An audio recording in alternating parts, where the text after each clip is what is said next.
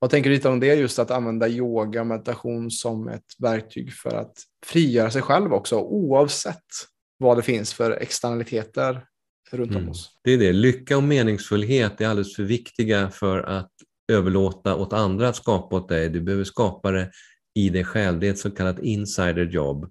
Och då spelar de yttre förutsättningarna ingen roll. Du kan som Mandela bokstavligt talat sitta i finkan i 26 år eller 27 år och ändå känna dig fri som människa. Och oavsett vilken social situation man lever i, oavsett om man är frisk eller sjuk, så är frågan hur, inte hur jag har det, utan hur tar jag det här som nu livet ger mig? Ja. Falla ihop i en blöt fläck och liksom medicinera mig igenom och droga mig igenom resten av tillvaron eller hitta ett meningsfullt sätt att ta mig fram oavsett. Mina damer och herrar, Göran Boll är tillbaka i PLC-podden. Han gästar också i avsnitt 18. Han var en av de första gästerna som vi hade på podden. För er som inte känner till Göran sedan tidigare så är han grundare till Medi-yoga som är nu utbrett på 25% av alla vårdenheter i Sverige där man kan få medicinsk yoga på recept faktiskt för att läka. Och i veckans samtal så snackar vi lite om världsläget, vart Göran tror att vi är på väg och varför han tror att yoga är århundradets viktigaste kompetens. Vi snackar också om eh, gång och hur läkande det kan vara. Och även hans eh, nya podd, I am-podden, som han har kört nu i ett års tid här. Mycket intressant visdom som Göran delar med sig av, bland annat också kring vår frihet som människa. Att den absoluta friheten som vi alla bär på oavsett vad vi har i vår externa värld. Och stanna gärna kvar till slutet av det här avsnittet för att ta del av en liten hemlig överraskning som Göran ger bort. Helt enkelt en gåva till alla som lyssnar på den här podden. Så stay tuned för att ta reda på det helt enkelt. Men innan vi går in i dagens avsnitt så har vår egen hälsocoach Viktor lite att säga om vårt samarbete med Pureness. Jajamän. Pureness är ju ett eh, kosttillskottsföretag baserat i Finland. De har funnits i Finland väldigt länge och de har ganska nyligen kommit in på svenska marknaden och eh, vi har privilegiet att ha ett samarbete med dem. Anledningen till att vi valde att göra det med just Pureness är att eh, utöver att det är mitt personliga favoritmärke som jag har använt eh, produkter från över en ganska lång tid så har de absolut högst kvalitetssäkring i hela Norden då de både har sina egna laboratorier som kvalitetssäkrar alla produkter samt eh, oberoende labb som också ser till att allting de säger är i det faktiskt är i det och att det heller inte är några orenheter som tungmetaller och andra grejer som väldigt ofta tyvärr eh, finns i diverse olika produkter. Men du som medlem och eh, lyssnare av podden har 20% rabatt på alla produkter som kan tänkas köpa från pureness.se som är deras sida. Så använd koden PC20 i kassan så får du 20 rabatt. Fantastiskt, tack Viktor. Så när du gynnar din egen hälsa så kan du också gynna oss på PLC och hjälpa oss växa via podden genom att använda den här koden och tjäna en liten slant själv. Tack så mycket. Hej och välkommen till PLC-podden, podden som förändrar Sveriges syn på hälsa med mig, Robin Hallsten. Idag är faktiskt första gången som vi har en gäst som återvänder till PLC-podden, så att nå någonting måste jag ha gjort rätt i första intervjun eftersom vi har Göran Boll tillbaka här i eten på länk från Stockholm. Eh, och för er som inte har eh, känt till Göran så kan man ju gå tillbaka i vår katalog och lyssna på just avsnittet med honom. Han är ju grundare av Medi Yoga, men just nu så jobbar han mer med något som heter I am Yoga och också startat en podd som heter I am-podden som han kört ett år här nu. Eh, varmt välkommen tillbaka, Göran. Tack så mycket. Jag ser det som en ära och en hedersbetygelse på få vara den första som blir nummer, får komma igen en gång till. Ja, och det jag tycker det är jättekul för att jag, vår tidigare konversation var eh, jätteintressant för mig och då sågs jag också på, på din studio där i, på Gärdet i Stockholm. Ja. Så det eh, känns jättefint. Vad, vad har hänt sen sist vi pratade med dig och, och så, det år som har varit? Det som har hänt under det här året är att pandemin grävde ännu större hål i alla möjliga eh, saker och eh, min verksamhet har gått ännu mer online. Så att mm. det, jag, har, jag har fler deltagare än vad jag någonsin hade före pandemin, men de är ut, utspridda över hela Skandinavien numera okay. och eh, följer mig eh, i mina kvällsklasser och mina workshops. Eh, så att jag hade en workshop bara för ett par veckor sedan och då var det väl en 40 deltagare men det var bara 10 på plats och 30 stycken som satt i Sverige och Norge och deltog. Intressant. Så att det, det är en av de saker som är en tydlig förändring. Det är, människor deltar i mycket större utsträckning även från andra orter men eh, jag upplever en tydlig nedgång i människor som kommer på plats. Mm. Ja, jag, jag kommer ihåg det när vi var på plats hos dig också, att det, du hade också väldigt snabbt ställt om. Du hade ju den här, en väldigt fin setup i din, din studio med tre olika vinklar och med kamera och den biten. Så det, det är det som är intressant som du säger där, när, när livet ger oss lite kurvbollar, så hur, hur anpassar vi oss och hur adapt and overcome. Hur, hur gör vi? Hur gör vi oss redo för det här? För att för många som håller på med det som du gör i yogavärlden, det har ju varit väldigt svårt att ha en verksamhet för att det har varit restriktioner och den biten. Men där ser jag ju som att det varit väldigt smart av dig att verkligen snabbt ställa om och anpassa dig till det och att som du säger att det kanske blomstrar ännu mer nu på grund av detta för att du var så anpassningsbar. Vad tänker du kring det? Ja, jag tänker att utan att ha surfat på en surfbräda en enda gång i mitt liv så är det det som jag ser som en bra liknelse. Mm. Säga, kommer olika vågor så måste man surfa på vågen som är, ja. inte liksom gå och muttra över den vågen som var förut. Nej, men exakt, precis. Eh, utan det gäller bara att se till att man står på brädan och eh, håller sig högst upp på den där vågen oavsett mm. hur den ser ut. Ja. Precis, och, och för mig är det inte så jättekonstigt att, att du har lyckats med det, för det är liksom det som du har vikt ditt liv åt också, just yogan, för att som jag ser det centrala med yoga och meditation är ju det här medvetna närvaron och inte försöka att älta det som varit och, eller det som kanske komma skall, att vi skapar förväntningar. För att det är oftast där lidande skapas och att, man, att det känns som en integrerad del i ditt liv förmodligen. Att, att okej, okay, hur, hur kan jag anpassa mig till nuet? Ja, det är det. Vad, är, vad finns det för möjligheter i nuet snarare mm. än att muttra över de eventuella besvärligheterna i nuet? Mm. Vad finns det för möjligheter i nuet? Och det finns alltid möjligheter i det som är. Exakt. Och det, och det är lite som att många, eh, när utmaning ställs i vår väg, så är det lätt att vi, vi ser att livet händer mot oss. Istället för att säga, okej, okay, aha, här har vi en möjlighet att växa igenom och att att använda det här hindret eller det här motståndet till att bli ännu starkare. Det är ju som när man är på gymmet, eller man ska, om du ska springa snabbare vad det är, så måste du ju öka din, din tolerans för vad du klarar av för att du ska kunna växa både ekonomiskt, fysiskt, mentalt och emotionellt. Mm. När jag var 16 så var vi ute och seglade en vecka med avgångsklassen eh, i skolan och då eh, upptäckte jag att man kan faktiskt segla även mot vinden. Det handlar bara om att kryssa sig fram. Mm, just det, precis. Exakt. Eh, så att det går alltid att ta sig fram hur stark motvind det än verkar vara. Det gäller bara att hitta liksom hur man kryssar sig fram. Mm. Precis, och det, detsamma. Jag hade precis också ett samtal med en eh, föreläsare, Micke Gunnarsson, som varit en av de största föreläsarna i Sverige, eller en av de mest populära. Och han också att ja, när pandemin kom så gick jag ner i källaren klockan åtta varje dag istället. Och så har jag kunnat nå ut till ännu fler människor och mer precis. internationellt och mm. kunna göra mer sådana saker. Så att på ett sätt så har den här restriktionerna också gjort att vi har sökt oss till nya vägar och, och, och de som är öppna nog för det har hittat kanske till och med mer gemenskap och mer kunskap och mera alternativa vägar framåt. För vad, vad ser du? Vart, vart är vi på väg, Göran, om du kollar med dina, dina kloka ögon? Vart är vi på väg som, som kollektivt liksom här? Ja, om vi till att börja med överlever det här årtiondet, då, att det inte blir ett tredje världskrig nu, så mm. eh, ser jag att världen kommer att mötas i mycket större utsträckning än tidigare. Därför att precis som att när pandemin kom så hade jag redan mina kameror på plats. Mm. Jag hade liksom tyckt att det varit en bra idé innan jag ens visste om pandemin, eh, att kunna även sända online.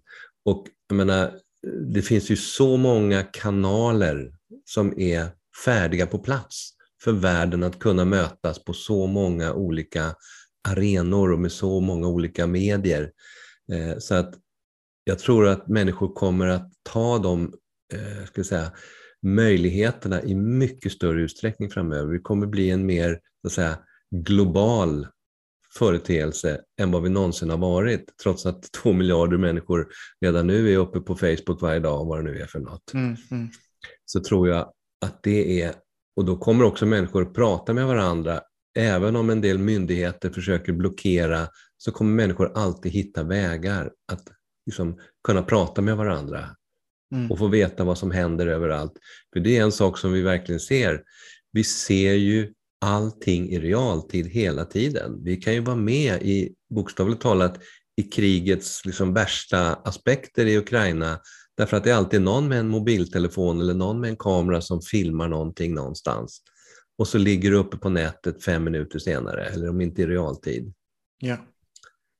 Eh, och det finns ju då både så att säga, goda sidor och mindre goda sidor med det, därför att den där uppkopplingen gör ju också att vi tar in så mycket mer i våra nervsystem än vad vi någonsin har gjort. Mm. Och det utsätter oss själva för en mycket tyngre belastning. Ja. Som rent biologiska varelser. Exakt, och då, då är det viktigt att, att det som du håller på mycket med, meditation och yoga, att grunda sig, att, att som jag också snackar mycket, komma ut i naturen, ta dig i skorna och ställ dig barfota på ett daggvått gräs, liksom, att, att få kontakt, för att det är lätt att att vi lever, lever i som två världar just nu. Och, och en av en, som, en person som jag alltid snackar om mycket om i podden är Paul Check som är en av mina främsta mentorer när det kommer till holistisk hälsa. Han snackar om det. Han hade också ett föredrag just om att leva i alternativa verkligheter. Att om, om jag ser ett träd framför mig så, så frågar han så här, ser du verkligen trädet? Och jag bara, ja, jag ser det trädet. Bara, är du säker på det? Ja, men jag, jag ser trädet. Och då frågar han, ja men ser du baksidan av trädet? Ser du toppen på trädet? Ser du rötterna på trädet? Och det är lite det som är, vad som är farligt med dagens läge är att om, om vi bara ser och följer det som händer i skärmarna så är det också lätt att vi går vilse i att är det här verkligen sant, det som porträtteras mm. i för mig och det som jag ser här? Att vi behöver hitta våra egna vägar som du säger och att gå ut själv i världen och se, är det verkligen så här farligt som jag ser det eller är det här så allvarligt och, och den biten. Och lite som du sa, att vi kommer alltid hitta, hitta vägar. Jag kan bli ett, ett askfat eller utan, utanför där jag bor just nu. Och att det var en sån fin liknelse att livet hittade allt sin väg. För i den här askkoppen där det var fimpar och gammal, gammal, liksom, gamla cigaretter så fanns det en liten växt blomma upp här emellan. Trots att det var en dålig miljö så hittar livet ändå sin väg mm. på något sätt. Mm. Det är som maskrosen som tas upp genom asfalten. Liksom det, precis, livet precis. hittar alltid en väg i sprickorna. Ja. Det finns ju ett berömt citat från en Leonard Cohen-låt. There's mm. a crack in everything, that's where the light gets in. Exakt, precis. Det, det, och, och jag tänker också på att Ehm, det finns också ett citat som är att eh, de försökte begrava oss, men de insåg inte att vi alla var frön. lite på samma sätt där. Att det, mm. det, det, finns en sån här blomstring som tror jag sker med det här stora trycket och, och det som sker i, i världen just nu. Att det, det är en också eh, som också har förespåtts i många andra medier och profetier att det är en massuppvakning som också du ser också har varit en, mm. en pionjär också när det kommer till liksom att förändra Sveriges syn på hälsa med att få in yoga och rörelse och, och mantra i just läkning som vi inte har sett på förut. Mm. Jag såg, jag fick en, en eh, i mitt mediaflöde där på morgonen så var det från eh, Medyoga Sverige, medyoga.se och eh, då var det ett reportage från eh, någon vårdenhet i, utanför Lund. Där vården, företrädare för vården säger att vi ser medyoga som ett väldigt viktigt verktyg för att möta den sociala eh, mentala ohälsan. Alltså, ja. eh, hur dåligt människor mår idag så ser de medyoga som ett av de viktiga verktygen i det här. Mm. Och det är spännande att vårdföreträdare säger sånt. Mm. Ja, det händer grejer liksom på, mm. på att, att vi Att vi ser saker eh, på ett annat sätt. Och det ser jag också den största delen till som jag, många som lyssnar på podden vet, att jag har själv haft otroliga problem när jag var yngre, när jag var tonåring med, med, med ångest och, och stress. Och där meditation var, det har varit det bästa medicinen. Mm. Meditation och, och självreflektion och att skriva och att möta det. Och när jag fick Novalucol av, av vården på grund av magkatarr så, så tog jag det såklart. Men det var inte det som hjälpte mig med att gå till botten och till grunden av mina bekymmer som jag hade. För det var ju insidan som behövdes läkas och kollas på. Och det är mm. det som är så kraftfullt med medyoga för att det är inget som vi tar till Eh, externt, utan vi jobbar från insidan med rörelse, med mantra, med meditation, att möta, att tillåta, att göra saker som eh, är så viktigt, att, att den enda vägen ut är att gå inåt. Mm. Yogan överhuvudtaget, eh, medyoga är ju ett bra exempel här i Sverige och Sverige ligger väldigt långt fram internationellt med i den här utvecklingen. Men jag såg för inte så länge sedan så Eh, tittade jag in i statistiken i en av de stora medicinska databaserna, forskningsdatabaserna i USA, eh, PubMed, som då listar ungefär 25 procent av världens alla forskningstidskrifter. Och där kan man då söka på olika forskningsområden. Och där kan man då titta år för år, alltså man bara liksom scrollar lätt så kan man se hur många forskningsrapporter lades in i det här ämnet under det här året. Och dels så kan man då se att forskning på yoga går tillbaka till 1949. Där ligger den första studien inlagd i Medline eller PubMed då, om yoga. Och den första studien på meditation, den går tillbaka till 1920-talet. Mm. Eh, så att man har tittat på det här över lång tid, men just nu så sker det en expansion som inte liknar någonting. Därför att om man går in och tittar och söker då på de här tre sökorden yoga, meditation och mindfulness. Och så tittar man på hur mycket forskning läggs in löpande om just de här tre ämnena. Om man lägger ihop dem så ligger det under förra året och hittills i år så läggs det in 14-15 nya publicerade studier varje dag. Shit. Det är liksom Eh, i princip eh, en varannan timme. Mm. Eller en var 45 minut eller 70-50 minut så läggs det in en ny studie som de har forskat på det här området i något sammanhang och säger det här är mätbart och här är resultaten. Mm. 14-15 nya studier om dagen, året runt just nu, så läggs det in där man säger det här är mätbart. Ja.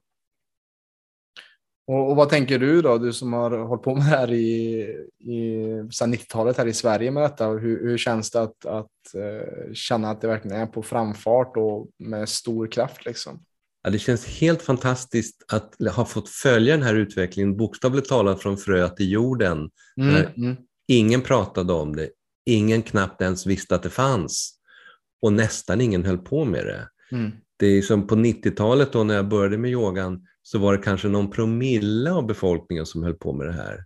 Ja. Idag är det 10 procent. Mm.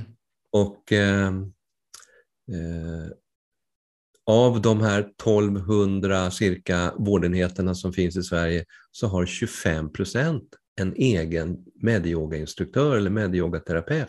Ja. In-house anställd som jobbar med patienter av alla kalibrar. Och då har alltså yogan tagits in i den mest avancerade aspekten av den svenska vården, hjärtsjukvård, cancersjukvård och psykiatri, där erbjuds medyoga till alla patientgrupper. Mm. Eh, och det är helt otroligt att det har gått, och det säger man också runt om i världen. Eh, så att eh, det är, Sverige är, om du frågar yogaföreträdare i Indien, i USA, i England, så säger de Sverige är världsbäst. Ingenstans har vi kommit så långt med att få in yogan i vården som i Sverige. Mm.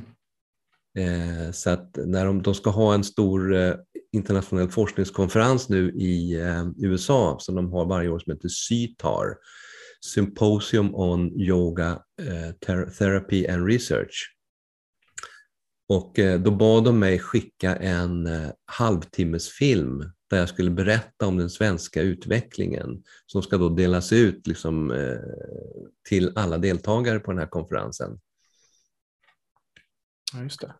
Och när de publicerar en bok nu i, i England som heter eh, Yoga on prescription. Ah. eh, så är jag en av dem som har liksom läst manuset och lämnat en sån här feedback i början till boken. Då. Så att jag är inbjuden tillsammans med Subud Tiwari som då är chef för ett av världens äldsta yogaforskningsinstitut i Indien.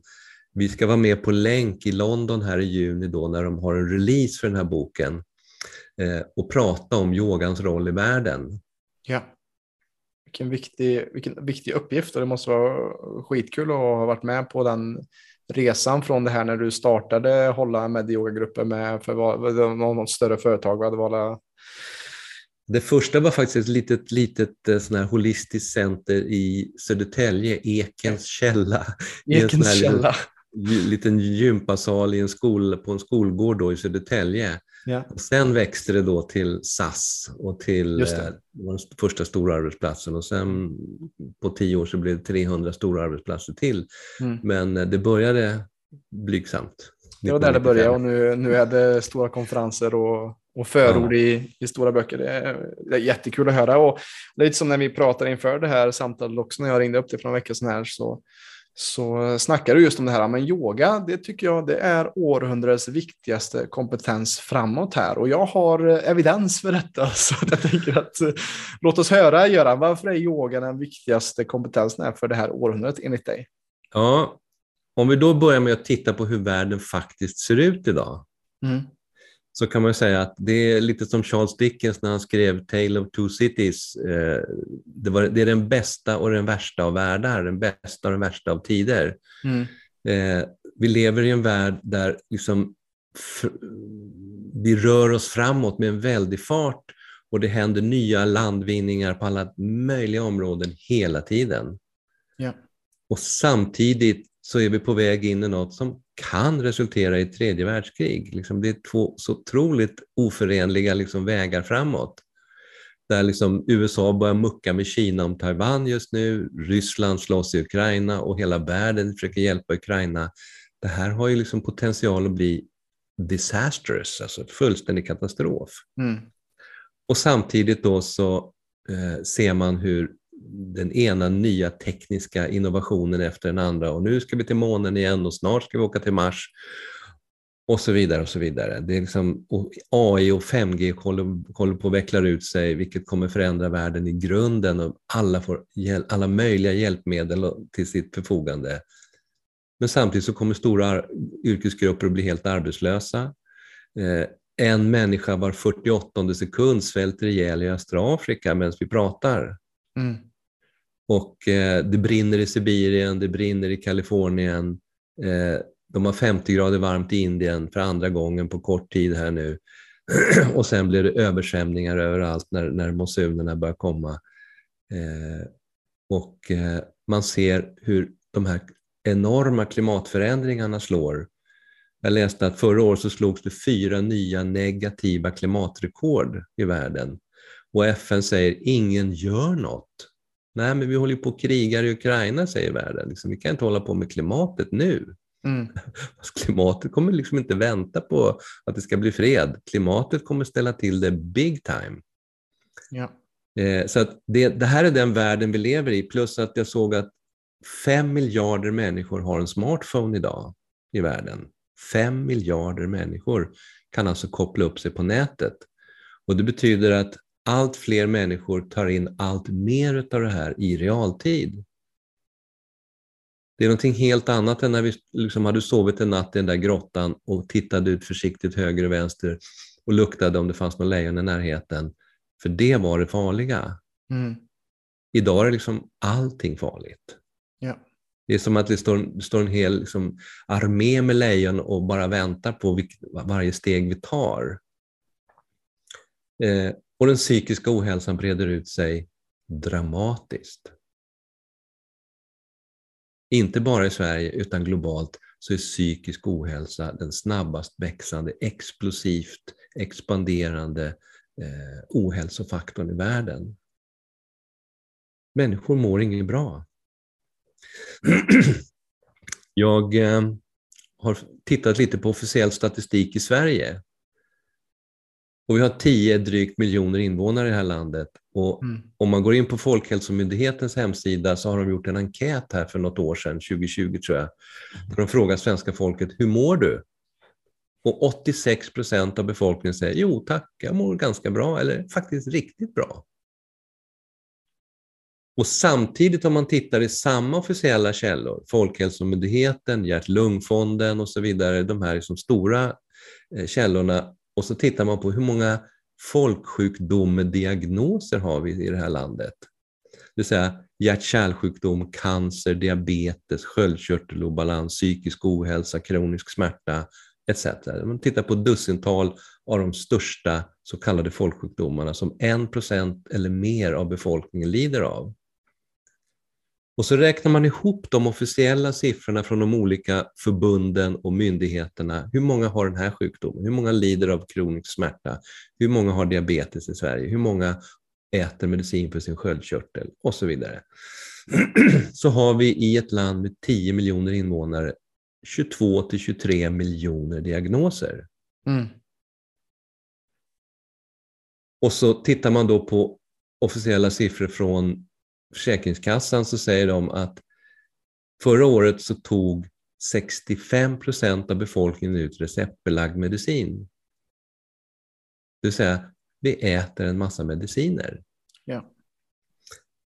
Och så säger ändå 86 procent av befolkningen, jo men jag mår ganska bra, faktiskt riktigt bra. Mm. Men när man då skulle ställa en följdfråga, men du har ju de här, de här, de här sjukdomarna ja. Ja, men du vet, jag äter ju Levaxin för sköldkörteln och så äter jag blodtryckssänkande, äter statiner och så går jag två gånger i veckan på dialys för njurarna och så äter jag sömntabletter och så äter jag någonting för de där sura uppstötningarna som jag får av alla medicinerna. Mm. Så att jag mår ganska bra. Mm. Det, är det, som, det är det som är liksom kontentan. Vi mår så bra, säger vi, därför att vi petar i oss mediciner mm. i en enorm omfattning. Och tittar man på den psykiska ohälsan så sprider den sig framförallt nu bland unga människor, 16 till 29. Det vill säga, det är de här nästa generationen som ska ta hand om dig och mig sen. Eh, de mår inget bra alls. Och hamnade du hos BUP som 13, 14, 15-åring så är risken stor enligt officiella källor att du tio år senare fortfarande behöver stöd av samhället tio år senare. Mm. Så att det här är världen vi lever i. Som är så polariserad. På ytan är den väldigt polerad. Det finns en McDonalds och en Sara och en Starbucks och så vidare på varenda gata, i varenda stad, i varenda liksom, del av världen. Men under ytan så blir det allt mer fragmenterat, allt mer trasigt. Och allt fler tar del av det här via sina smartphones och sina datorer och paddor. Oj, vad mycket skit det händer i världen. Oj, nu är det översvämning där. Oj, nu är det hundra miljoner människor på flykt i världen. Hoppsan! Oj, nu brände de ner ytterligare några kubikkilometer regnskog i Amazonas. Oj!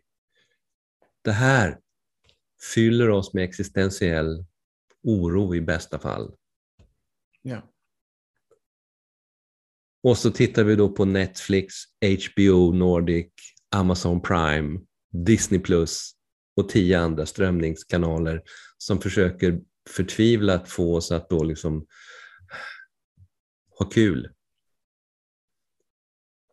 Eller så slår vi på vanlig som kvälls-tv och tittar på antingen Say yes to the dress om tjejer som testar bröllopsklänningar hela dagarna. Eller infantila lekprogram för vuxna på varenda kanal. Mm. Det är liksom så kallad underhållning idag.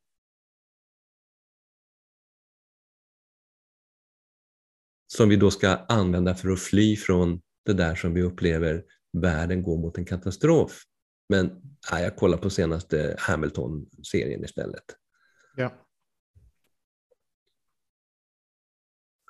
Och uppifrån då, de politiska skikten, de, eh, eh, ska säga, de delar som, som gör anspråk på att tala om för oss vad som är rätt och fel och bra och dåligt och som vill vad, tala om vad vi ska göra, där får vi ingen hjälp. Mm. Eh, så att det, det, det, om man ser på det på det sättet så är det liksom till rätt i ordningställt för en perfekt storm framöver.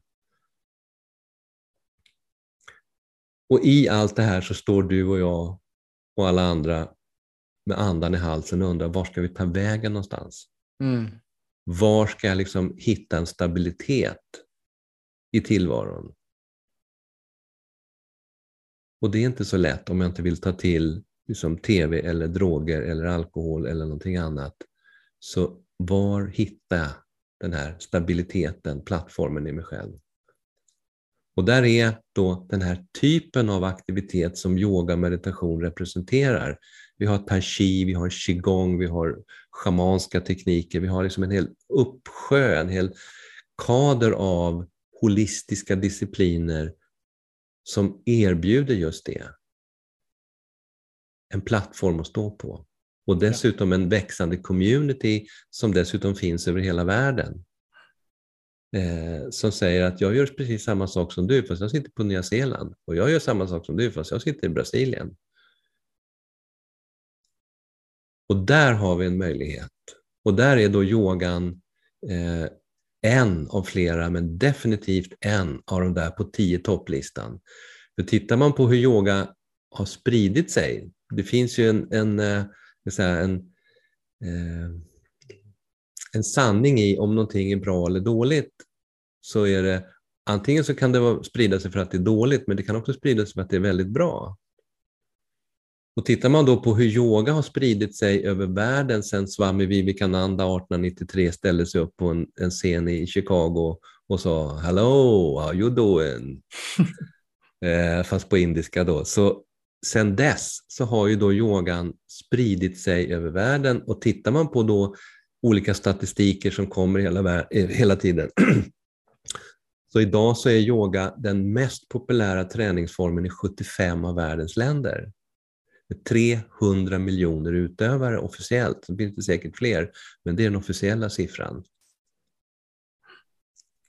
Eh, och i Sverige, ursäkta, i Sverige så ligger, vi, ligger yogan då på 10 topplistan över det som svenska folket helst vill träna. Och 10 mm. procent utövar yoga enligt den statistik som finns. Ja.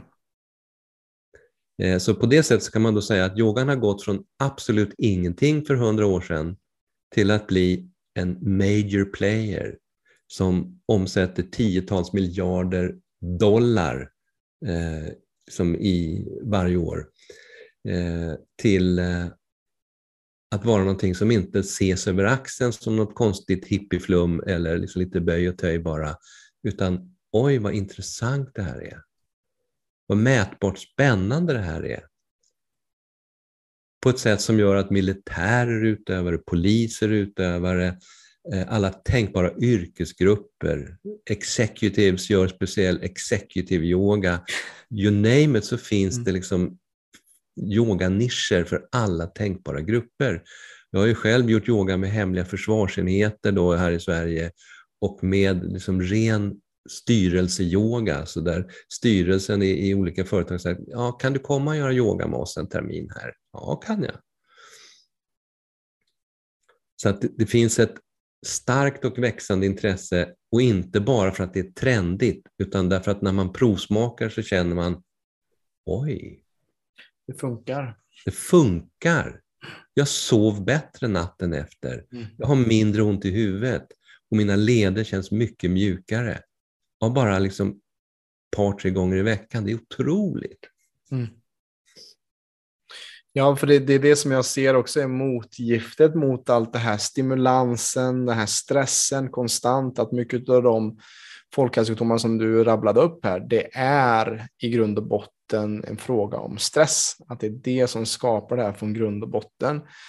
Och på PLC så är det också så att vi jobbar mest med medelålders kvinnor, ett par män också eh, och ett par yngre också, eh, kvinnor såklart också. Men vad vi ser eh, oftast så är det just att det är just för mycket stress, för mycket stimuli, för mycket krav, för mycket prestation som är inblandat, vilket gör att vad de flesta behöver är inte mer stimulans, utan det är mer av det som vi kallar work-in, som du, du sa här, som yoga är en del av. Yoga, meditation, tai chi, qigong, mm. eh, gångbad som jag precis också börjat spela själv faktiskt. Mm. Och, och kommit till skogen och bara vara, bara vara och mm. just mm. att inse att de här stimulanserna, det, det, är så onaturligt att sitta framför en skärm, att sitta så mycket framför skärmar som vi gör. Det fanns inte för 50 år sedan, det fanns knappt för 20 år sedan. Och så har vi accepterat det att det här är det nya normala. Mm. När vi är det mer normalt för oss att gå ut i skogen, men men för många är det läskigt idag att gå ut i skogen och att bli lite smutsig under fötterna eller, eller att man träffar på någon snigel eller någonting. Alltså, för många barn idag så tycker de att det är äckligt att gå ut i skogen för att man är så van vid just den här sterila innemiljön med skärmar och paddor som ständigt eh, ska underhålla oss och bedöva oss på många sätt och vis. Mm. Och det är mycket som jag ser också med ju mer ju äldre jag blir och, och med, särskilt med det som sker nu att vi har eh, det här som du sa med världskrig annalkande också att ju mer jag, ju mer jag vrider och vänder på det, desto mer kommer jag bara tillbaka till det här eh, faktumet att, att fred är inget som vi kan skapa genom att kriga mot någon.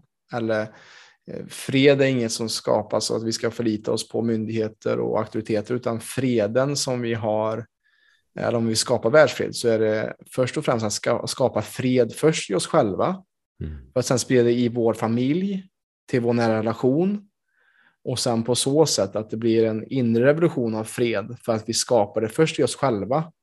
För så många, och jag själv är också i krig i mig själv i många om och, om och men och, och tillfällen i livet. Och det är ju bara att när jag träffar på andra i min yttre externa värld som triggar igång mitt egna inre krig att det är då det skapas konflikter, ilska, sorg och den biten. Mm.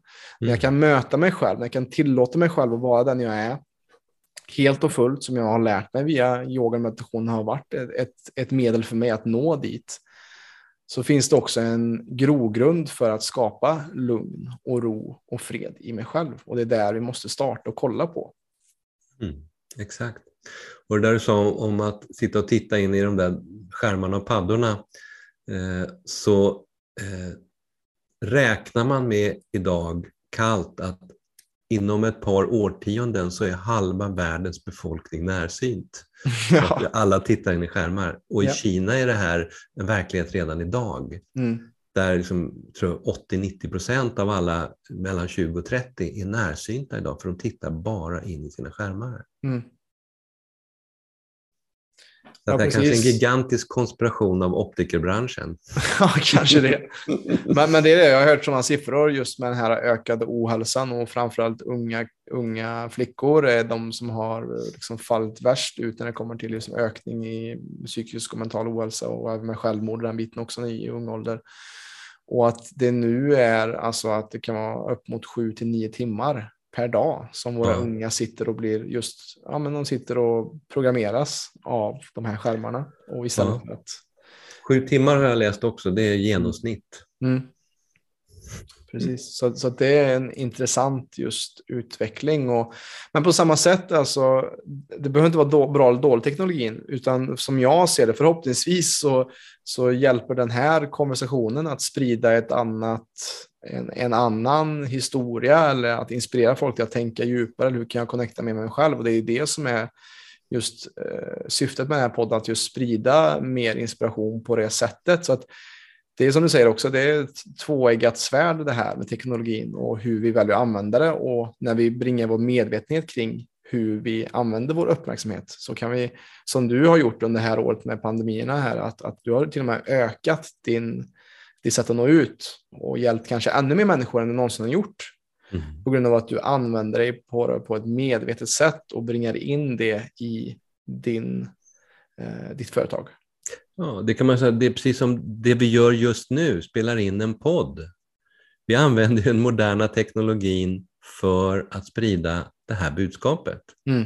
Precis som jag sätter upp då tre kameror i ett yogarum och sprider det här till alla som vill titta över världen, så är det ett sätt att använda teknologin på ett annat sätt Ja.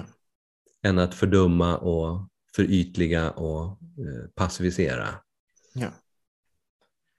Precis, och, är man då öppen och vill lära sig mer så finns det ju så mycket då att, att man kan följa folk som har, ja men folk på Instagram eller Facebook eller vad det nu än är som faktiskt delar med sig av kunskap och Mm. vill upplysa världen. För det är en stor så här, upplysnings, alltså nästan som att det vi är inne i nu är lite vad som hände när man kunde börja trycka böcker på var det 1600-1700-talet där, liksom att, Mm. att det, fast det är gånger tusen, alltså det, det är så exponentiellt mycket större för vi är mer människor och eh, på så sätt då finns det så många livsöden som kan mötas och att man kan vet förr när det var vetenskapsmän som bodde i olika länder så var man tvungen kanske med häst och vagn ge sig iväg på en veckas färd för att ta sig någonstans. Nu kan man bara skicka ett mejl.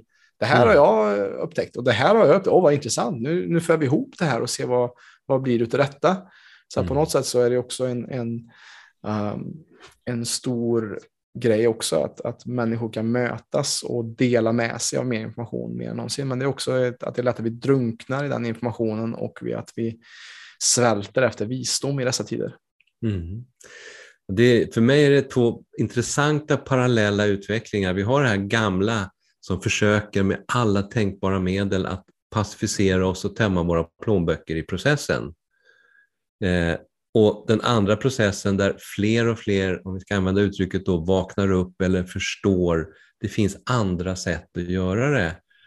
Men den får ju naturligtvis inte lika mycket medialt utrymme eftersom den mediala liksom, ägarkoncentrationen ser ut som den gör, Mm. så måste man då göra det via andra alternativa eh, plattformar som då kan ifrågasättas på ett annat sätt om man är konspirationsteoretiker och allt möjligt. Då, då. Mm. Eh, för det stod ju inte om det i Aftonbladet eh, eller på svt.se. Mm. Eh, men det, allt det här finns. Det gäller bara att liksom söka efter informationen så finns egentligen allt vi behöver få veta för att kunna skapa den där andra världen.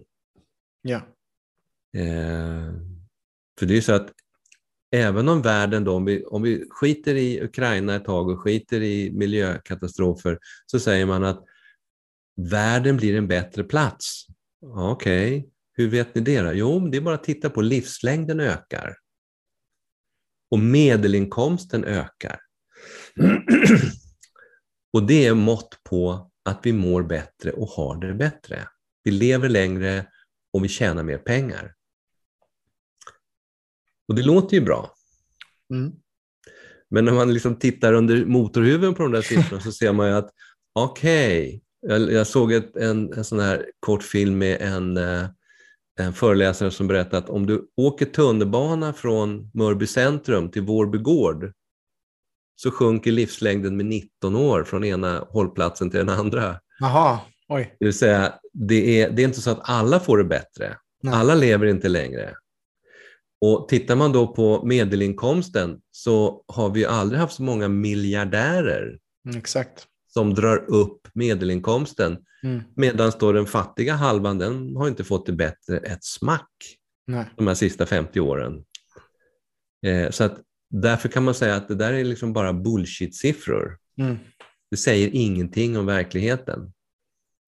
Nej, men det, det är det som är så kanske också missvisande med BNP också med att just att det spelar ingen roll vad om ett, om ett, du har USA som har ett av de största militärkomplexen i världen så, så räknas det in i deras BNP att det är liksom tills, tillskott och, och tillväxt.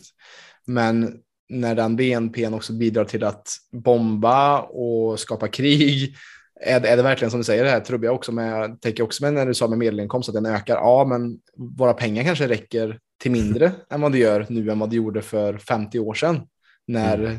en liter mjölk kanske kostar en spänn. Alltså, Mm. det, är ju, det är ju helt ja, beroende på hur man vrider och vänder på det med statistik och, och den bit som är viktig att se. Och visst hade det varit fantastiskt om vi skulle istället haft en BNP som var baserad på hälsa, välmående Mm. och, och community och att, ha, att vi har länder som är baserade på det istället. Att det hade varit vad vi faktiskt baserar eh, en, eh, ett, ett lands välfärd på. Alltså mm. vad är the state of, of the individual? Alltså hur, hur bra mår en människa? Inte hur mycket pengar och kapital som skapas och genereras. Så är det. Um, vi, um, vi rör oss framåt i en väldigt spännande oförutsägbar värld som kommer att uh, uh, antagligen krackelera på många sätt de kommande årtiondena här. Mm. För att den kommer, det gamla sättet att göra saker på kommer utsätta för ett sånt starkt tryck. Mm. Men det räcker med att liksom havsnivåerna stiger någon meter eller två, eh, vilket de ju kommer att göra framöver, så kommer plötsligt hundratals miljoner människor att behöva lämna där de bor. Och då kommer det sätta igång sådana här enorma folkrörelse, människor som rör sig över stora ytor och det kommer ställa till det rejält i alla sociala system. Och, eh, det tänka vad som hände i Sverige 2015 med 150-200 000 människor som kom på kort tid. Mm. Se det som liksom eh, promenad i parken jämfört med vad som kan komma inom några årtionden. Precis. Ja, och då är det viktigt att, att vi hittar verktyg och en grund i oss själva för att gå framåt, att kunna möta som, som också varit, alltså som min resa har varit också med till exempel med meditation och yoga, att, att det har varit ett sätt för mig att kunna möta de här facetter av mig själv som kanske inte varit tillåtna att bli mötta på andra ställen, alltså samma med om du är på flykt eller människor som kommer från krig, att det är en sån otrolig eh, Eh, sånt otroligt trauma, både kanske att man har varit med om dödsfall i familjen eller också att man bara att ens rötter blir helt upprotade mm. och nu måste du flytta, du får aldrig mer tillbaka till ditt hemland här för att det, det, allt är förstört, det är bara, bara kaos och, eh, och ruiner. Eh, mm. Och där ser jag också att kunna hitta grund i sig själv oavsett vart man är och det var lite det som vi också snackade om i samtalet som vi hade här för förra veckan när jag ringde dig, att, att just den här skillnaden på absolut frihet och relativ frihet. Alltså mm. att kunna hitta frihet i sig själv oavsett vart du är. Och det vill jag också att vi kan lägga lite fokus och, och lite ord på. För att jag tycker det är så intressant, för vi, när vi snackade så kom det upp liksom Nelson Mandela och Viktor Frankl som har skrivit den här uh, Man's Search for Meaning.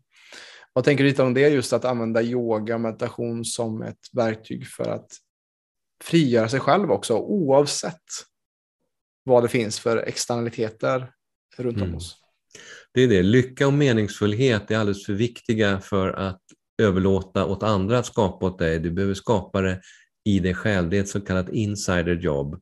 Mm. Eh, och då spelar de yttre förutsättningarna ingen roll. Du kan som Mandela bokstavligt talat sitta i finkan i 26 år eller 27 år och ändå känna dig fri som människa. Eh, och oavsett vilken social situation man lever i, oavsett om man är frisk eller sjuk, så är frågan hur, inte hur jag har det, utan hur tar jag det här som nu livet ger mig? Ja. Eh, faller jag ihop i en blöt fläck och liksom medicinerar mig igenom och drogar mig igenom resten av tillvaron, eller hittar jag ett meningsfullt sätt att ta mig fram oavsett? Och det kommer tillbaka till också just det här som vi snackade om eh, lite tidigare tror jag, med just förväntningar, att vi har en förväntning på att livet ska se ut på ett visst sätt. Mm. Att jag kommer vara lycklig om, om bara det här sker eller bara det här sker. Men om vi kan släppa taget om förväntningar och släppa taget om det som har skett som vi inte kan längre påverka, då finns det en frihet där.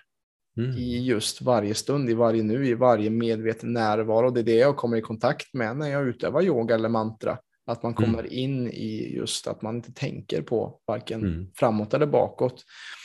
Och jag tycker det var så fint också. Jag kommer inte ihåg vem det var som sa det, men just det här. Det kommer från någon schaman som säger att just det här är det tidlösa rummet mm. där man glömmer bort tiden. Mm. Det är där i det här ändlösa nuet som fullständig och komplett läkning kan ske. Yes. Det är där det är där och det är det som jag försöker inspirera de klienterna jag jobbar med och medlemmar att, att hitta den här lugna platsen inom dig själv där lite allting slutar att betyda någonting. Där, där vi bara kan vara och bara vara i acceptans till där vi är med vår in och utandning. Mm. För det är precis det som, som jag har märkt också nu när jag har börjat göra det som du också gör i alla dina pass, gångbad, att folk bara tror att det gått tre minuter från det att man mm. har börjat till att de vaknar upp bara, men du skulle köra en och en halv timme bara. Ja, jag har gjort det. Mm. Jag har gjort det. Och då är det ett väldigt bra tecken på att de har kommit in i det här tidlösa rummet, en dimension som är svår att förklara för någon som inte varit där kanske också. Mm. Men där den här absoluta läkningen och friheten också kan upplevas. Mm. Jag, eh, som en, en eh, ytterligare reflektion kring det här med att världens viktigaste eh, eller århundradets viktigaste kompetens så har jag ju kvällsklasser på plats flera kvällar i veckan här hos mig och det kommer människor i de här klasserna mm. och jag får den nästan ordagrant den kommentaren, det här är livsviktigt för mig. Mm. Den här liksom stunden, den här timmen i veckan eller två gånger i veckan, vad jag nu går, det är det som håller mig på banan. Ja. Det är så viktigt för mig att få bara komma in här. Det är som att hela kroppen slappnar av så fort jag kommer in genom dörren. Mm. Och det är jättemysigt att få ligga där 10-15 minuter och bli gångad och vara helt sonkad borta så att jag liksom inte ens hör den där gången. Utan bara det faktum att jag är där och är på något sätt uppslukad av nuet och går därifrån med en skön känsla i både kroppen och knoppen. Mm. Eh, så tycker de att det här är det viktigaste som finns. Ja.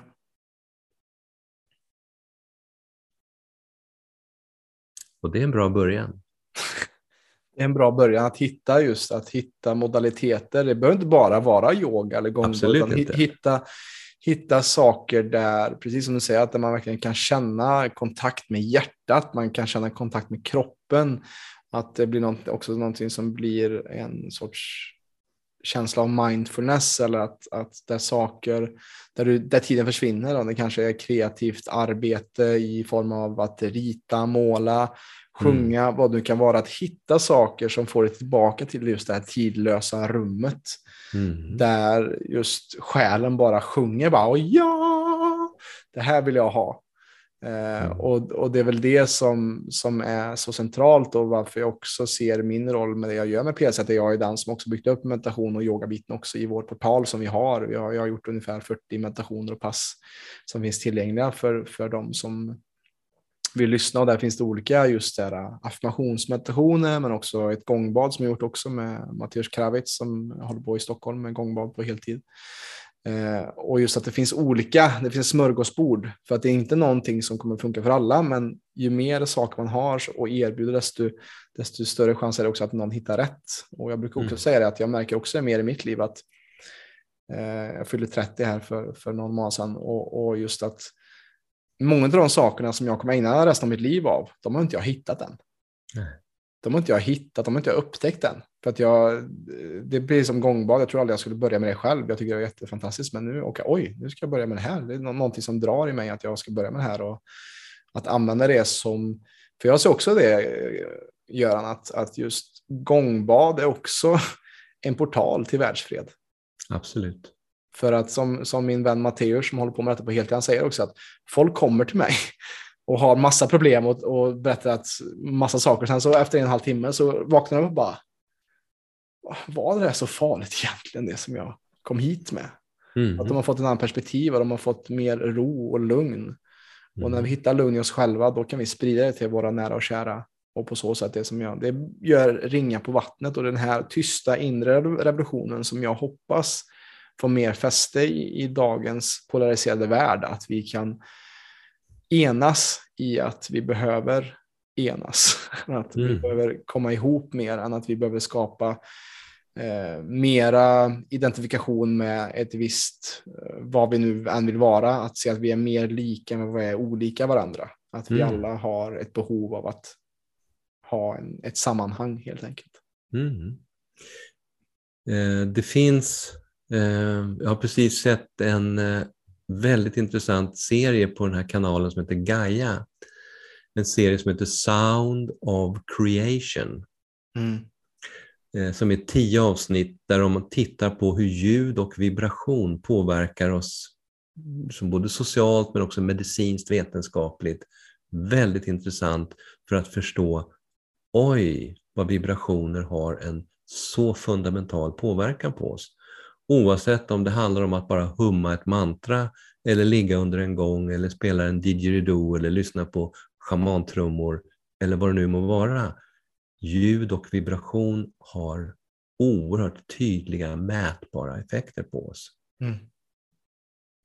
Och eh, den här gången, eh, jag har sett en undersökning där de spelade gång för en grupp människor och tog blodprover på dem före och efter. Eh, och det var alltså en dramatisk förändring ner på blodcellsnivå efter Ja. 20 minuter med gång. Yes. Så att eh, ljud och vibration i alla dess former, Mm. det är en bra rekommendation. Ja, och då ska det vara rätt sorts ljud också. så Man inte Ja, det ska, på- det, ska, det ska inte vara en tryckluftsborr utan det ska vara eh, de här alltså, all, alla naturliga ljud. Ja. Alla naturljuden, liksom havet, fåglarna, vinden och så vidare. Men även den här som vi upplever som vacker musik. Exakt. Ja. Eh, och de här olika frekvenserna då som man kan hitta via stämgafflar och annat då.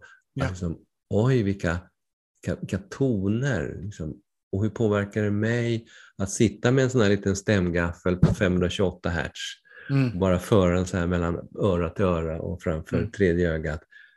Oj, vad det kan hända spännande saker. Ja, exakt. exakt.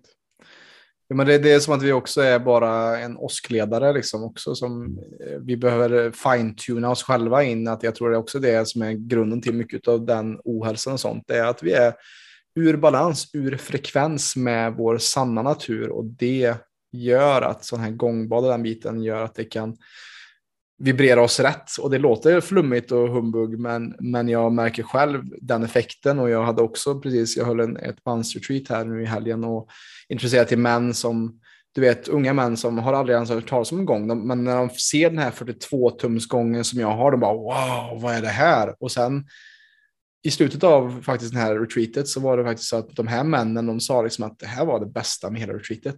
Det här Mm. var liksom det bästa. Eh, och det, det säger någonting, som du säger här. Och att, eh, jag brukar säga det för de som är, inte håller på med yoga meditation och inte har gett tid för det, så är gången ett av de bästa verktygen för att komma ner i djup meditation och komma ner i de här teta-vågorna som är också djupt läkande för människor. Mm. Mm. Eh, och då blir det här tid, det är också det där i teta-vågorna som också blir det här tidlösa rummet, den här tidlösa dimensionen på något sätt. Mm. För samtidigt som man då, precis som du sa nyss, kan tycka att ja, det här låter lite flummigt, vad då vibrerande? Mm. Så är ju det här det är ren kvantfysik. Det här är vad kvantfysiken säger. Och kvantfysiken det är det mest avancerade forskningsfältet på planeten. Mm. Om man ser det ur ett vetenskapligt perspektiv. Det finns ingenting som slår kvantfysik. Kvantfysiken är det som har skapat datorer och internet och en massa annat. Eh, Det är tungt och de säger du är en massa vibrerande små vibrationer. Punkt. Mm. Du är förtätad vibration, du är ingenting annat. Nej, precis. Och, och hur, eh, ja, mestadels av oss är bara space. Alltså det, att det, Ja. vi, vi, är, vi är ingenting egentligen. 99,9999 procent ingenting. Mm. Känns inte så, men så är det. Precis, precis. Och det, det är det som är så intressant med, med den, att den forskningen som vi har med just kvantfysik också, nu snackade om också där, alltså personer som Greg Braden och, och Joe Dispenza som håller på med just det här också, just att, att utforska det här och, och att ha, ha haft otroliga testimonials för folk som har kunnat börja gå igen eller som har, alltså, och det låter också jättekonstigt, men, men att, att det finns sådana modaliteter där vi faktiskt kan där mirakel kan ske på något sätt. Och det, det är intressant det där, att, att hitta vetenskapen bakom det där. Vad, är det, Mm. vad beror detta på? Men det, är också, det finns en sån tröghet, en sån eftersläpning. Man brukar säga att det tar minst 25 år för en upptäckt att landa på vårdcentralen. Mm, mm, Att liksom bli applicerbar i vardagen och innan dess så ska liksom hela det här vetenskapliga etablissemanget muttra och buttra Mm. ett antal årtionden först och Mm. säga, "Ah, det där tror vi inte på, ja okej då, kanske. Mm, det Mm. var nog vi som hittade på det i alla fall till slut. Mm. Jag menar, det fanns en tid när läkarna inte ens tyckte de behövde tvätta händerna. Ja, precis. Det är en intressant, eh, jag tycker det är så intressant att det var någon som gjorde just operationer och amputeringar och han var först med att, att tvätta händerna. Folk bara, vad fan håller du på med? Det där, Mm. Han det där eh, kommer inte påverka någonting, men att, hans, att han hade större överlevnadsratio Mm. på människor. Och det är lite det som du säger här, att först så kommer de skratta åt dig, sen så kommer de att vara stora motståndare och sen så kommer det bli accepterat om det är någonting som är Mm. banbrytande. Alltså att Mm. först är det skratt, sen är det att motstånd och det är samma det. Jag hörde också någon studie kring att när en äldre man dör inom ett universitet eller någon som har verkligen hållit en idé starkt. När någon går bort då, då kommer en influx av just de som är yngre som kanske haft idéer men som inte vågat, eller, vågat ta fram dem. Att det sker då en sorts revolution då, eller en sorts en, en eh, infusion av nya idéer och tankar som kanske inte var accepterade av dogmerna och eh, den skolan som fanns då. Liksom. Nej. Eh, Det där med att tvätta händerna, det var mitten på 1800-talet. Han hette Semmelweis och Mm. han eh, blev till slut inlåst på sinnessjukhus där han blev ihjälslagen. Mm. Eh, därför att han var så motarbetad av etablissemanget för att tyckte de skulle tvätta händerna. Ja. Och det tog 20-30 år till innan de började tvätta händerna. Mm. Precis. Så det, det, det säger ju också ganska mycket om, om hur eh, jag vet inte om det, är, om det är egot som är så starkt i, i människor att, att man eh, inte vill erkänna att äh, men det, här, eh, det här går inte för då har ju allt det jag har gjort i hela mitt liv här då är det en lögn eller illusion eller det är inte sant. För här finns det faktiskt någon som hävdar att han gör någonting bättre än mig. Mm. Det, när vi kan släppa det som saker kan ske tror jag. Det här är kopplat till en funktion i hjärnan som kallas för RAS, retikulära aktiveringssystemet. Mhm. Och Det betyder att det här är en liten funktion som gör att när du tar in saker så filtreras det genom det här filtret RAS. Och det här filtret det söker efter sånt som du tror på och filtrerar bort sånt som du inte tror på. Mhm. Eh, det vill säga vi ser det vi vill se, vi hör det vi vill höra. Ja. Och vi tänker, ja, men, nej det där kan inte vara sant för det tror inte jag på, alltså kan det inte vara sant. Mm. Och det är en konkret hjärnfunktion som styr det. Hmm. Intressant. Mhm. RAS. Mm.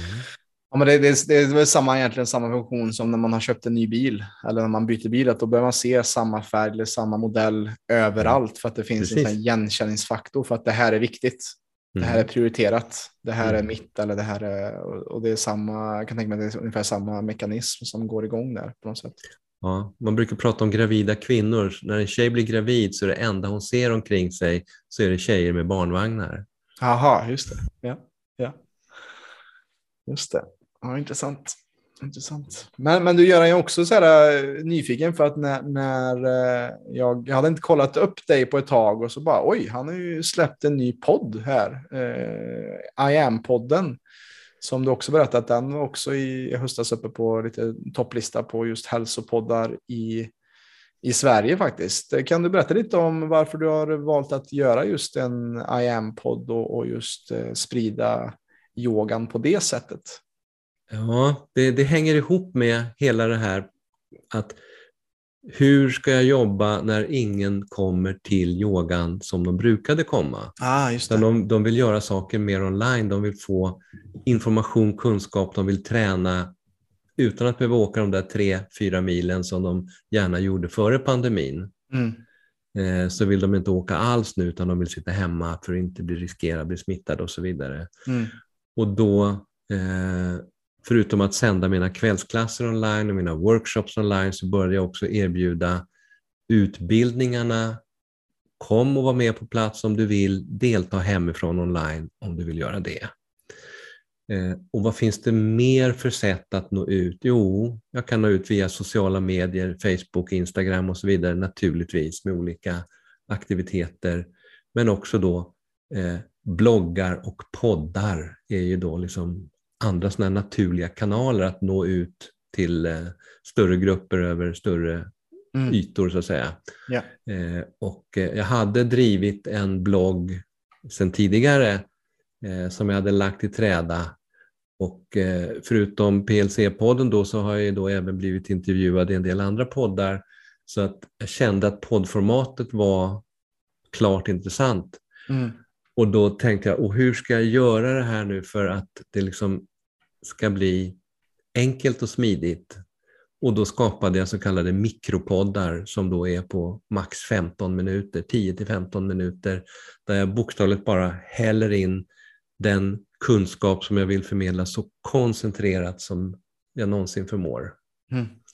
Och så har jag min katt Tao som är min följeslagare på den där podden då, så han har alltid något klokt att säga. Och igår spelade vi in en podd och då kallade han mig för tjockskalle. Jag håller på att spela in nu en serie poddar om tystnad och skapande, att lyssna för att kunna skapa. Mm. Och då pratade jag i tio minuter om att lyssna in i tystnaden och då tyckte Tao att jag var en korkskalle, tjockskalle som pratade när jag borde vara tyst. Exakt. Mm. Ja, men det, på tal om tystnad så är det också no någonting som just det retreat som jag hade nu i helgen, att, att jag introducerade män till att, alltså som man så vill man ju oftast, eh, det maskulina vill oftast lösa problemet. Och jag introducerade dem till något som heter delning eller sharing som jag har lärt mig på Ängsbacka när jag bodde där. Att just att man har, sitter i en cirkel på fyra till fem personer, där, där varje person har fem minuter var och bara pratar om hur de mår just nu eller någonting som stör dem eller vad det nu kan vara. Och den enda uppgiften för resterande i, i gänget är att bara lyssna och bevittna utan att nicka med huvudet och, eller komma med, med förslag på det här ska du göra eller det, så här eh, tänker jag eller, och bara bli bevittnad. Mm. För att tystnaden är läkande. Oerhört. Oerhört läkande och bara bli hållen i det spacet. Det, ehm, Anahatta är ju ett yogiskt begrepp eh, som Mm. dels är kopplat till hjärtchakrat men Anahatta betyder också det oslagna eller det, det okonstruerade, eh, det vill säga det tysta ljudet. Mm. Ungefär som den här scenkoanen då var ljudet av en hand som klappar. Mm. Eh, att tystnaden, det, som, det djupaste spacet där inne, det pratar inte. Det lyssnar, det iakttar, det finns, det är. Mm. Men du får inte någon konversation, ungefär som du och jag nu sitter och pratar. Det gör vi inte med våra innersta space, utan där är vi. Ja. Och den där tystnaden då, det tysta ljudet, det har som en helt egen frekvens, man säger, det är det space där alla andra ljud skapas. Eh, och eh, det kallar man då för anahatta och kunskapen om det här det är då nada eller shabd yoga. Som det, att lyssna allt djupare in i det allt tystare. Mm. Precis. Och det är väldigt spännande när man börjar höra tystnaden. Mm. Och det, det är det som är, tycker jag är så fint, typ när man också befinner sig i en, eh, kanske i en relation som är utmanande eller, eller en vänskap som är utmanande, att bakom allt, bakom alla kanske bråk eller ilska eller sorg så finns det så mycket kärlek. Det Mm. finns två själar som vill mötas och två själar som blir sedda och två inre barn som bara vill, vill ha kärlek och trygghet Mm. i den tystnaden om man bara kan gå tillbaka ett steg. Mm. Jag brukar säga det finns, eller det är andra som säger det egentligen, det, det finns två sätt att lyssna. Det ena är jag lyssnar på dig för jag vill förstå dig. Mm. Det andra är jag lyssnar på dig så att jag hör när du slutar att prata så jag får säga vad jag egentligen tycker är viktigt. Precis, precis. Eh, och det är det som våra politiker gillar, den senare modellen. Ja. Eh, Okej, nu har du fått säga ditt, nu ska jag säga vad som egentligen gäller. Mm. Och hur dåligt du har gjort det där och hur du har Mm. svikit det svenska folket med detta. Ja, men Mm. precis. Ja, exakt. Undrar vad som hade hänt om man haft en partiledardebatt där man hade faktiskt eh, lite mera non-violent communication eh, på, så, på så vis. Lyssna på vad är det för behov vi har här? Vad Ja. behöver du just nu? Jag tror att det är faktiskt en lösning för hela mänskligheten, inte bara svenska politiken. Nej, Att, att lyssna för att förstå, att Exakt. lyssna för att hitta common ground i det här. Mm. Jag förstår vad det är för behov som, som inte är tillgodosett och varför det skapas en konflikt i Mm. oss själva eller i andra. För att det, alla gör allt så gott de kan. Mm. Men det är också för att man har olika historier, man har olika programmeringar från sina föräldrar, vad som är accepterat och inte accepterat. Och därför är det lätt att man går i clinch för att man tänker att ja, men, den här personen gör det här för att han vill skada mig. Mm. Det kanske inte alls är så. Det kanske är bara att man har olika sätt att se på, på hur man hanterar saker och ting. Nu kommer inte jag ihåg om vi pratade om präglingar i förra podden. Eh, det vet jag inte. Jag kommer inte ihåg det heller faktiskt. Därför att vi säger det, att, och det köper alla, vi är präglade av livet. Mm. Blir du mobbad som liten, får du stryk hemma som liten och så vidare, är du svårt sjuk som liten, så präglar det dig på olika sätt. Eh, och eh, då trodde man väldigt länge att präglingarna började bokstavligt talat med den där första dasken i rumpan på BB för att du skulle bara skrika. Mm. Eh, innan dess så var vi skyddade inne i mammas mage. Där hände ingenting Mm. farligt. Sen kom man på, det finns en svensk forskare som heter Bi Puranen, hon skrev en artikel om det här alldeles vid millennieskiftet. Hon jobbar för Folkhälsomyndigheten och skrev en artikel som heter eh, Kvinnor och arbetsliv eller Kvinnor, graviditet och arbetsliv och sånt där. Bi Puranen. Och hon eh, skrev den här artikeln på 17 sidor där hon berättade om intrauterin stress. Stressen som vi drabbas av inne i mammas mage. Mm. Det vill säga, det pågår bokstavligt talat från bef- befruktningsögonblicket och framåt och präglar oss. Ja. Eh, och det gör att vi kan få, som en engelsk forskare beskrev, vi kan få hjärt-kärlsjukdom i 50-årsåldern beroende på vad vi hade det inne i livmodern. Wow. Sen kom det en artikel i, eh, tror det var Lancet eller något sånt där, någon av de stora drakarna eh, 2018. Det var svenska forskare vid Lund som eh, myntade begreppet perikonceptionell hälsa. Där de då tittade på och så beskriver de från ett forskarperspektiv hur vi präglas i upp till sex månader före befruktningen. Mm. Före befruktningen. Ja. Du är inte ens en glimt i pappas öga och ändå präglas du. Ja. Eh, och det då från ett forskarperspektiv beror på att hans spermie mognar i x antal månader i hans testikel, hennes äggcell mognar x antal månader i hennes äggstock innan det blir lördagkväll och du blir till. Och hur de mår under de där tre till sex månaderna som det där pågår, hur de dricker, äter, alkohol, rökning, droger, gräl, mår bra, mår dåligt, trycker undan känslor, ger uttryck för känslor. Som hur de har det i upp till sex månader före befruktningen påverkar dig idag, 30 år senare. Mm. Forskningen som säger det här, inte någon schaman, utan forskningen säger det här. Mm. Det vill säga, vi präglas så djupt, så länge, på ett sådant sätt, vi har inte en chans att sätta emot. Och det är det vi ser där ute i världen. Vi ser en massa präglade småkillar som springer omkring och leker herre på täppan. Mm.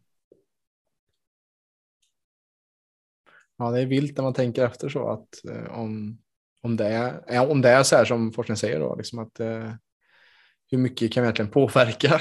Men, men, det, är- men det är det man kan, med, med just hjälp av medvetenheten som vi kan aktivt använda oss av det som, det som du jobbar med och det som vi också jobbar med på PC. Hur kan vi, trots de här mönstren, trots de här präglingarna, hur kan vi möta dem? Hur kan vi Mm. sakta demontera dem och skapa ett liv som faktiskt vill leva? Från ett yogiskt perspektiv så är det inte speciellt svårt. Mm. Jag har jobbat med, jag kallar för avprägling av människor i 20 års tid Mm. via liksom, yogisk terapi där vi då utgår ifrån dina präglingar men vi tittar på det utifrån chakraperspektivet. Mhm. och ser i vilka chakran sitter präglingarna. Ja. Och det kan du läsa vilken bok om chakran som helst, att i rotchakrat så sitter grundtrygghet och självkänsla, i sexualchakrat så sitter lust och relationer och rädslor och i magchakrat så sitter kraft och självförtroende och ilska och så vidare. Det vill säga, och kan vi då reda ut var någonstans dina obalanser i präglingarna sitter, då kan vi med hjälp av specifik yoga för specifika chakran börja bearbeta det här. Och med hjälp av guidade meditationer och annat då, så kan vi lösa upp sådana här präglingar. Mm. Just det. Ska man Mhm. punk- punktmarkera det? Ja, så att det är att knyta upp knutarna där de faktiskt sitter. Just det, precis. Och sen finns inga knutar längre när du har knutit upp dem. Nej. Nej, men det är det, som jag brukar säga, att just, ja, som du säger också, just att chakrasystemet då, att det är som en kanal. Och när vi har knutar i den här kanalen, då är det inte så lätt att flödet sker och det är då vi också blir sjuka.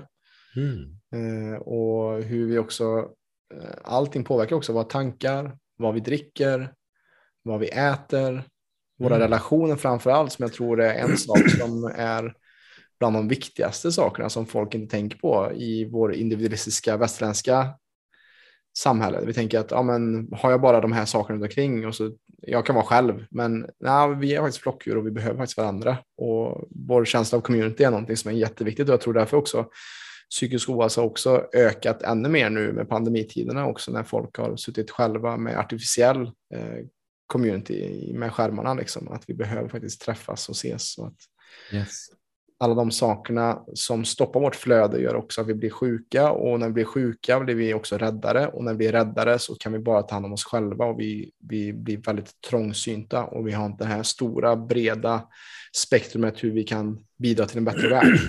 Och då blir det väldigt, eh, har vi, ju mer människor vi har i det sättet, det är då krig skapas, det är då eh, konflikter skapas för att vi inte är själva i flöde med livet. Så är det. Mm. Intressant alltså, Göran. Och, och den här podden som du har släppt är ju också eh, jätte så här, nyttig, så här, som du säger, mikropodd med många eh, ja, men kring historia och även kring eh, olika chakran och vad man kan tänka på. Så att det är ju eh, liksom en utbildningsradio av, av Göran Boll själv kan man ju säga. Eh, kan man rekommendera att kolla på på Spotify. Det är lätt att klämma in den där kvarten när man ändå sitter på tunnelbanan eller Precis. är precis. på väg någonstans. Exakt. Yes. Men jag tänker att eh, jag börjar känna mig ganska nöjd med vårt samtal. Eh, Göran, jag vet inte om du är någonting som du vill flika in som du känner att "Ja, men det här har dykt upp i mig som jag vill prata om under det här samtalet. Eller hur, hur känns det? Det känns jättebra. Jag är- tycker vi har kunnat ventilera väldigt mycket på den här dryga en, snart en och en halv timmarna här. Ja. Det känns som vi fick med, fick med en väldig massa. Och sen Göran, vart, vart hittar vi dig? Eh, iamyoga.online istället för .se så är det .online. Yes. I am yoga i ett ord, .online. Kanon. Så där hittar vi Göran för dig som vill komma i kontakt med honom där också online. Men också så befinner vi också fortfarande på Gärdet va? i Stockholm. Ja, Ja, kanon.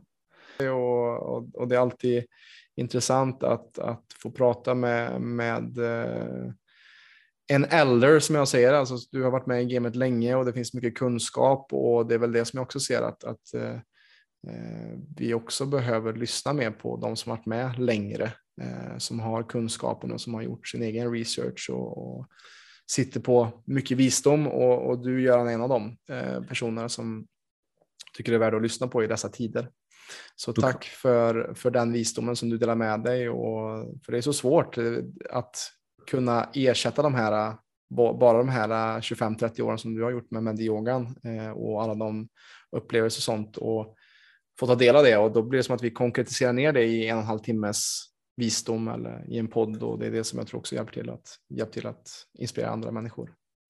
då kan vi säga att yogins viktigaste uppgift gentemot sin omvärld, det är egentligen bara en enda sak. Det är att tala om för dig att du har all kunskap och all visdom i dig själv. Ja, exakt. exakt. Det är liksom, jag kan liksom peka, där är en bra väg, det där, titta in i dig själv där, via den där vinkeln. Ja, Eh, där inne hittar du alla svaren. Jag kan inte ge dig något svar utifrån. Du måste hitta Precis. dem i dig själv. Ja. Och det kommer jag ihåg från första konversationen också. Den, den var en av dem jag tog med mig mest tror jag. Just det här att du snackade om att vi alla är fyrtorn men att vissa, vissa har lite dammat igen fönstren. Lu- luckorna är stängda. Luckorna är stängda, ja precis.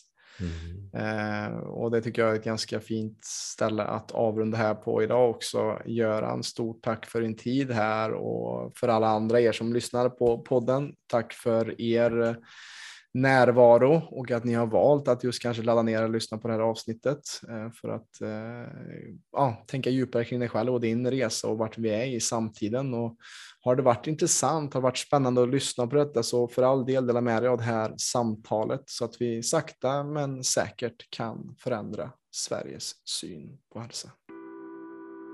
Tack så mycket Göran. Och för dig som har väntat hela avsnittet på den här överraskningen och gåvan som jag snackar om i inledningen av eh, avsnittet. Här kommer den. Göran bjuder precis som förra gången han gästade PLC-podden dig som lyssnar på tre månaders gratis tillgång till allt på hans plattform www.imyoga.online. Så kika in på länken som finns i beskrivningen av det här avsnittet för att ta del av just tre månaders gratis tillgång till Göran Bolls yoga hemsida och plattform. Varsågod från Göran till dig.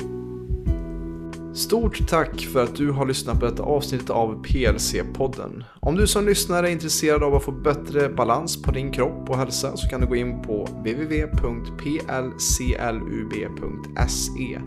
Där kan du göra en gratis hälsoundersökning och läsa mer om hur vi hjälper människor på ett holistiskt sätt att skapa mer energi, få igång förbränningen och minska värk. Alltså www.plclub.se.